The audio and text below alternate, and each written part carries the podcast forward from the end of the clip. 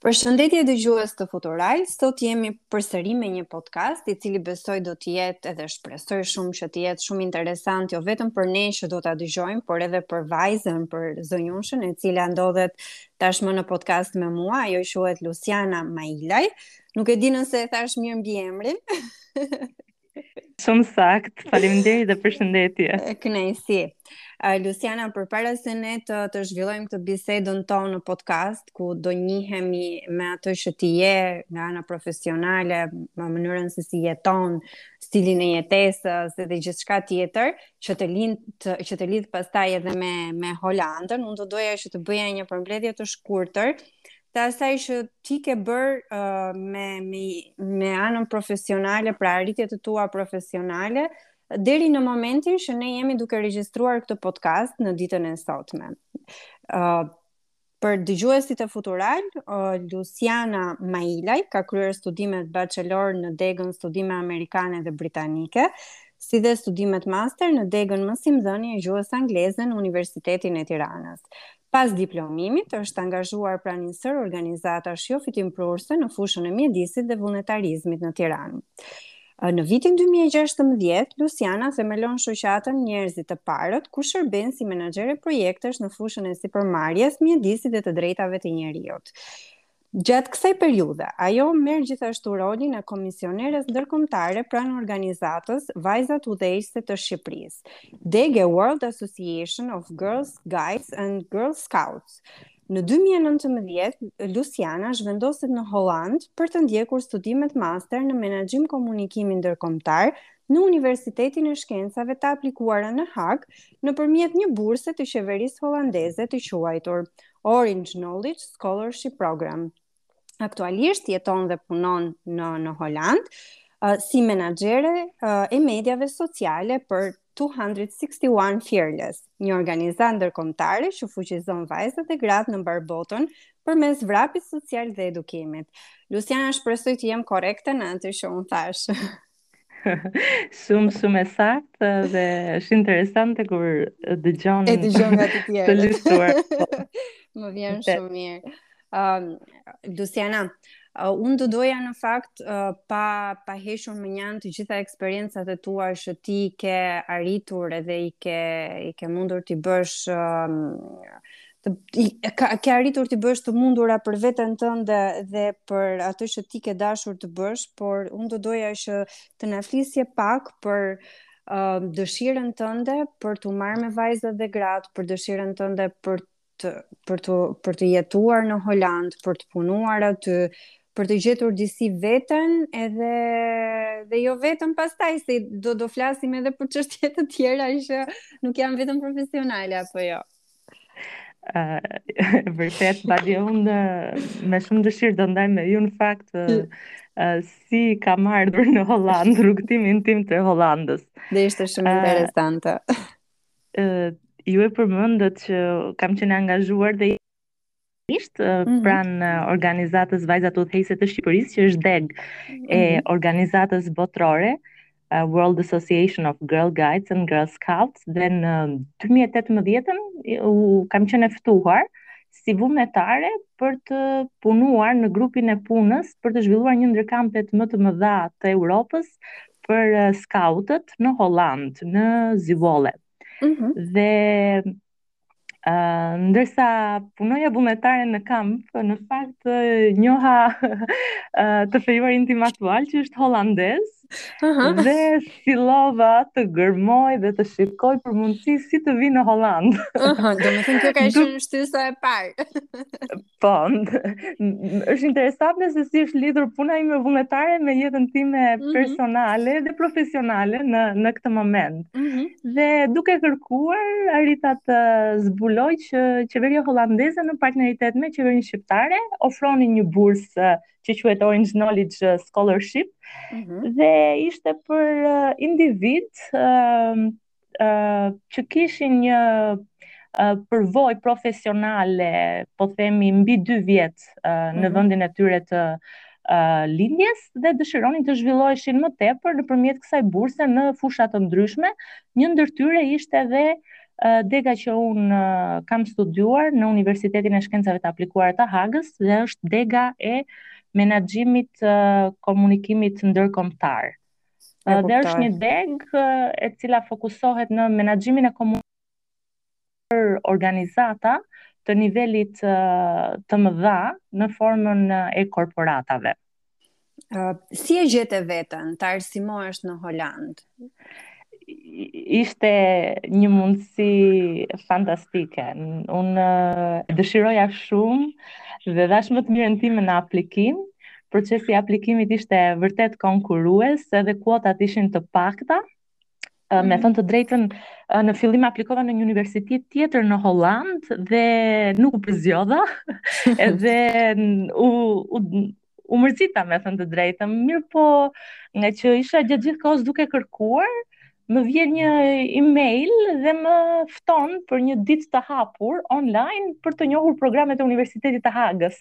Dhe ja që doli më mirë akoma dhe dega të cilën unë studiova pastaj me të vërtetë që ka ndihmuar shumë edhe në profesionin tim aktual në Holandë. E kuptoj. Po nga ana kulturore, e ke patur ti të vështirë të përshtatesh me një kulturë tjetër, me me uh, një mënyrë tjetër komunikimi, stil jetese, socializimi, uh, ke parë ti diferenca apo ka qenë gjithçka organike, pra ka ardhur me me përshtatjen?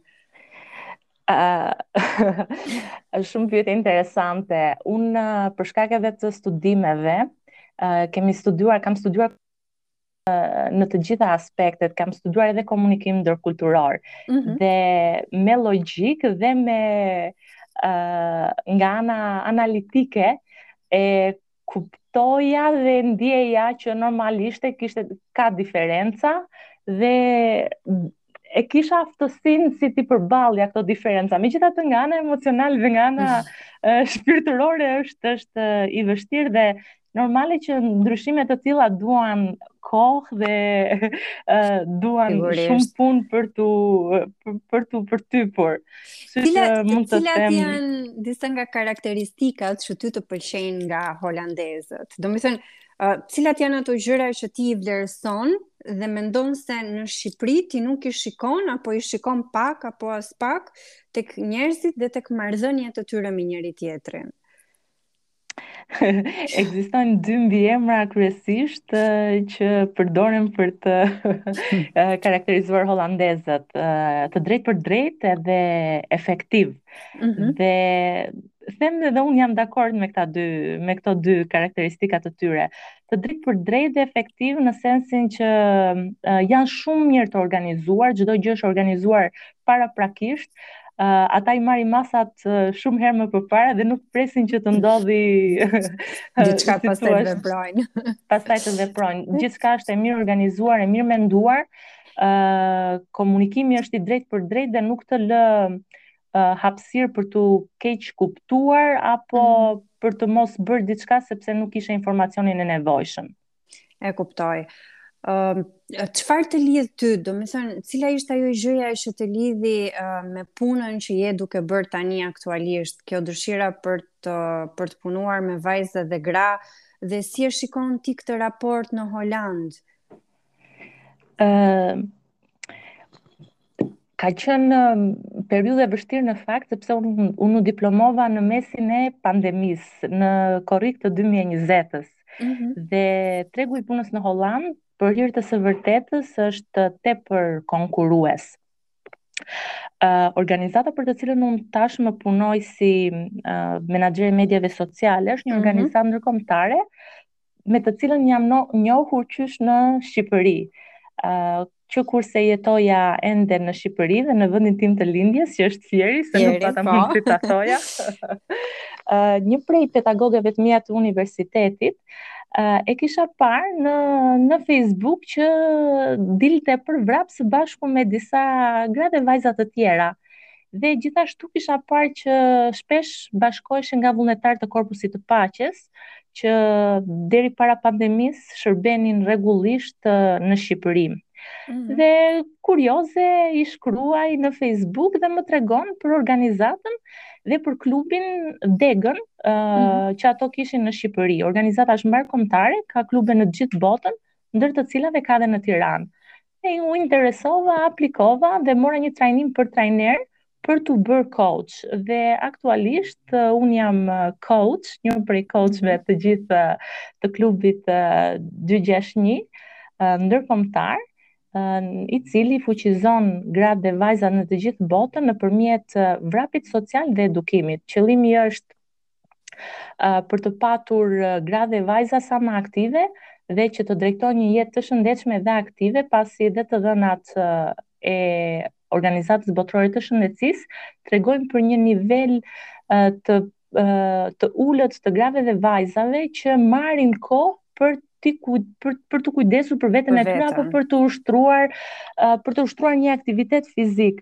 Mund të shohësh që palestrat apo edhe në shumë burra dhe djem që ushtrojnë sport apo që bëjnë aktivitet fizik dhe shumë herë më më i ulët është numri i grave dhe vajzave dhe ky është qëllimi i organizatës t'i edukojë, t'i informojë dhe të nxisë sa më shumë gra dhe vajza që të jenë sa më aktive. Nëse ke, ke ndonjë këshillë, ndjesë, pa dashur të të ndërpres, po ke ndonjë këshillë për vajzat shqiptare se si ato të japin kontributin nëpërmjet gjesteve që ndoshta duken shpesh të vogla dhe të parëndësishme, por që ndikojnë në jetën e tyre? Lidhur me aktivitetin fizik, Mm -hmm. E tha në fakt edhe pak më para. Edhe klubi i Shqipërisë, klub, klubi quhet 261 Fearless, mm -hmm. në mhm. anglisht që uh, për dëgjuesit në shqip është përkthyer kurajozët. Mm -hmm. uh, uh, ka për qëllim jo që të nxis po themi vrap konkurrues, është vrap social. Ëh mm -hmm. uh, gratë dhe vajzat e grupit takohen një herë në javë, në një ditë që ato e kanë caktuar për të vrapuar, uh, për të folur, për t'u larguar uh, një nga stresi dhe përditshmëria e tyre, për të inspiruar dhe për t'u ndjerë më mirë me veten e tyre, pasi ka studime që tregojnë se ky aktivitet fizik i ndihmon ato në jetën e përditshme, të jenë më efektive për të mhm. zhvilluar mm -hmm. detyrat e jetës së tyre të përditshme apo për të për të për të qenë edhe më mirë uh, dhe më të shëndetshme nga ana e Dhe ë uh, është kjo një orë, ky një orë që që ka një ndikim shumë herë më të madh në jetën personale dhe atë profesionale sesa sigurisht uh, thjesht argëtim. Janë janë shumë të lidhura me njëra-tjetrën, pavarësisht se duket sikur aktiviteti fizik fillon dhe mbaron gjatë orës së vrapit, por jo, janë janë të gjitha të lidhura bashkë. Ë uh, Lucy, unë do doja në fakt të të pyesja diçka tjetër që lidhet me kohën e lirë. Domethënë nëse ti dëshiron të shpenzosh kohën tënde të lirë diku, ku? Shumë interesante si pyetje. Unë eh, në Holandë kam pasur mundësin dhe fatin të provoj sporte që në Shqipëri ose të paktën në Fier mm -hmm. nuk eh, nuk eh, ekzistojnë. Kështu që gjatë kohës së universitetit unë kam luajtur lakros. Mm -hmm. Është një sport që nuk di si ta shpjegoj, por uh, luhet me anë të një shkopi që ka një rrjetë dhe një top i vogël, është uh, sport në grup, sport uh, intensiv, mm -hmm. uh, të cilin unë e kisha parë vetëm në televizor, isha shumë Dhe ne pasi të dëgjojmë podcastin tënd do ta kërkojmë edhe do ta gjejmë patjetër. Ndërsa aktualisht luaj squash dhe tenis. Uh, tenis jam duke marrë leksione, duke mm -hmm. parë të tjerë që luajnë tenis, mendon se po të futesh në në fushën e tenisit, luan, nuk është ndonjë sfidë e madhe, ndonjë vështirësi e madhe. Megjithatë, duke marrë leksionet e kupton që secili sport ka teknikën e vet normalisht dhe ka nevojë për ato seancat e veta të, të leksioneve. E kuptoj. Un tani do të kthej pak më përpara, aty ku filluam podcastin dhe më thej që e njohja me të fejuarin aktual, pra atë që ti sot e ke të fejuar, filloi edhe u lidh edhe krijoi këtë ndjesinë e të paturit të një njeriu të rëndësishëm, i cili nuk ishte shqiptar, por ishte holandez. Më thuaj pak, ku ndryshojnë uh, djemtë shqiptarë me, me ata holandezë dhe cilat janë ato karakteristika që ty të bën ta vlerësosh këtë, këtë njeri?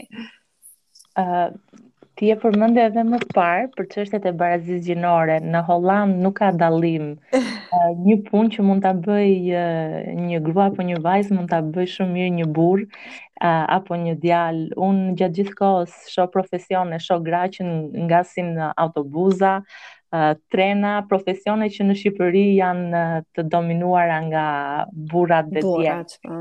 Edhe në lidhje me raportin tim personal me të fejuarin tim, çdo gjë është e barabartë.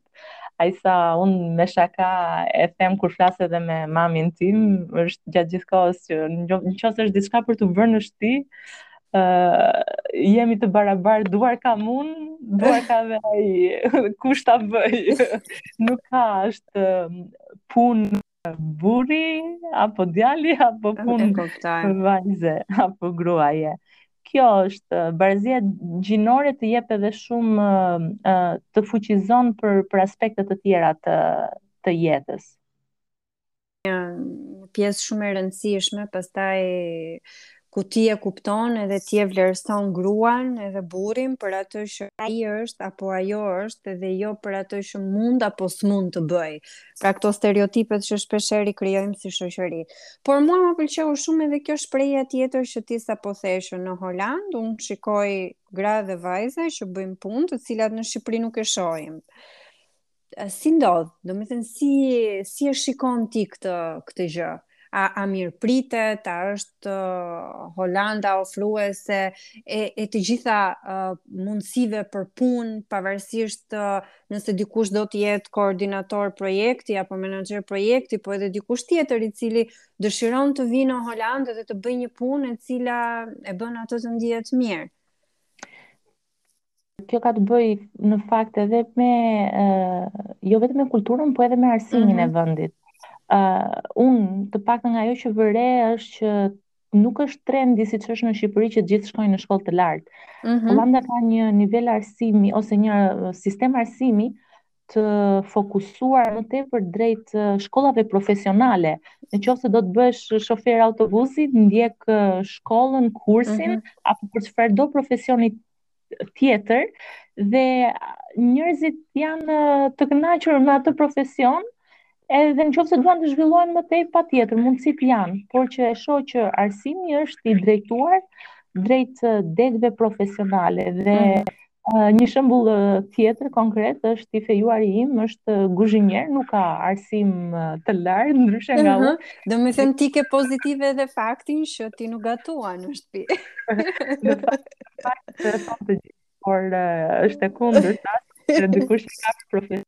që gatuan 8 orë në ditë, kur vjen në shtëpi, nuk do të gatuaj më. e vërtetë, shumë e vërtetë.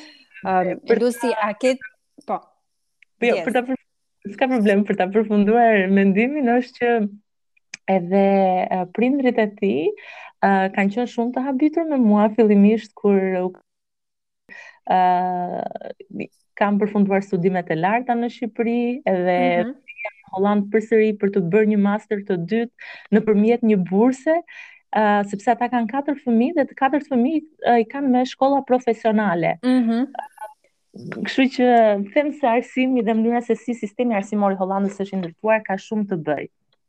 E vërtetë, e vërtetë edhe kjo është është gjëja më e mirë dhe këtë gjë duhet të nxitim edhe në Shqipëri. Idenë që jo gjithë gjithkush që ka një shkollë të lartë vlerësohet edhe do të thotë që është më i miri në atë që bën. Arsimi profesional është të jep një profesion shumë të mirë, të të të aftëson, por gjithashtu të të ofron mundësinë për të punuar Pra, është është më e lehtë të kesh një profesion dhe të punosh dhe të ndihesh mirë me me atë. Ë, uh, a ke ti ndonjë këshillë tjetër apo a ke ti ndonjë veçori që e mban rezervë për holandezët? Se unë për shembull do do do të pyesja, a ndikon koha në mënyrën se si uh, sillen, se si veprojnë? ne jemi njerëz që jetojmë me diell. pra, a ka a janë këto diferencat edhe a, a ndikojnë në këtë në qëndrimin e jashtëm? më tepër se koha po kushtet gjeografike të Hollandës, megjithëse kohët e fundit, unë vetëm pak më parë po flisja me mamin dhe po më thoshte që në Fier ishte gri, shi, erë fort. Mhm. Vërtet në Hollandë tani që po flasim shkëlqen dielli dhe është ngrohtë. Sikur kanë të mirë të ndryshimeve klimatike. Megjithatë ajo që ë uh, mbase mund të përmend lidhur me ndryshimet midis kulturave tona, ka të bëjë përsëri me me uh, nëse do ta kap nga aspekti personal me kulturën e e të jetuarit, e të bashkëjetuarit. Mm -hmm. Holla nuk është kusht që të martohesh, ë uh, për të patur një lidhje apo të gjithë të të të shtyn për t'u martuar. Absolutisht secili është uh, i lirë dhe martesa ose Nuk e din me me thënë të drejtën të ta përcaktoj me përqindje, por shumica në Holland bashkë jetojnë. Edhe unë shpesh herë para se të fejoheshim, bëja shaka me të fejuarin pasi ishte një video që thoshte fillimisht dhe pastaj me të dashurin, pastaj shoqëroheni, pastaj zhvendoseni te shtëpia e tij, pastaj bëni një fëmijë, pastaj në fund në fund edhe mund të mund të martoheni. shumë e bukur kjo. Dhe është është është një këshillë shumë e mirë për të gjithë ata që po na dëgjojnë. Lusi, a ke ti një mesazh për të gjithë dëgjuesit e Futuralit edhe për të gjithë ata të rinj të cilët duan ta nj duan ta njohin këtë pjesë të kulturës, por edhe për mënyrën se si ndërtohet një familje dhe gjithçka tjetër që mund të bëhet në një vend i cili të ofron mundësi. Uh, mundësitë uh, për të ardhur në Holland uh, janë nga më të ndryshmet, uh, mjafton që të kërkoni dhe të investoni dhe po flas mhm. për mundësitë e, e ligjore. Sigurisht. patjetër. Pa fund ka uh, bursa të ndryshme dhe uh, nuk është aspak e vështirë për të ardhur në Hollandë, megjithatë duhet të përgatitesh që ka edhe uh, diferenca kulturore, por në fillim mund të jenë uh, shokuese, por më, më, më pas arrin t'i kuptosh që uh, janë, janë shumë të shumë të vlefshme dhe mënyra dhe stili i jetesës së tyre është është është efektiv në më bë. ka qenë ajo diferenca kulturore që ka qenë shokuese për ty. Ka shumë, ka shumë, po për momentin për shembull më vjen ë, më vjen ë, ndër mend që ë, drekën të gjithë këtu, dreka nuk është vakti i rëndësishëm i ditës. Dreka këtu është e thjeshtë, Mhm. e shpejtë, e shkurtër. Mund të shohësh njerëz ë, gjatë gjithë kohës, unë në universitet, në punë. Uh, marrin dy feta bukë, një sanduiç, mund ta me, me një copë djathë në mes ose me një copë proshutë dhe kjo është dreka. Dreka në Hollandë mm -hmm është njerëzit janë në shkollë ose në punë, e hanë atë për gjysmë ore dhe vazhdojnë me me jetën e tyre. Qoftë burrë në moshë të thyer, në moshë të mesme, kjo është dreka në Hollandë, është mm -hmm. darka që është vakti i rëndësishëm, edhe kryesor dhe është vakti i ngrohtë. dhe për faktin që vaktet këtej hahen në orare shumë herë më të hershme se sa në Shqipëri. Në Shqipëri, e vërtetë.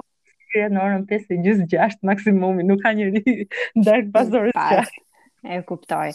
Mirë, Lucy, unë të falenderoj shumë për kohën dhe për atë që ti ndave me ne, dhe jam shumë e lumtur që dëgjoj edhe marr eksperienca nga vajza të cilat ia kanë dalë mbanë edhe investojnë gjithashtu që të bëjnë vajzat e tjera t'ia dalin mbanë kudo që ato janë. Ishte kënaqësi që isha e pranishme në këtë podcast dhe ju uroj suksese edhe juve gjithashtu. Faleminderit shumë. Kalofsh mirë. Gjithë të mirat.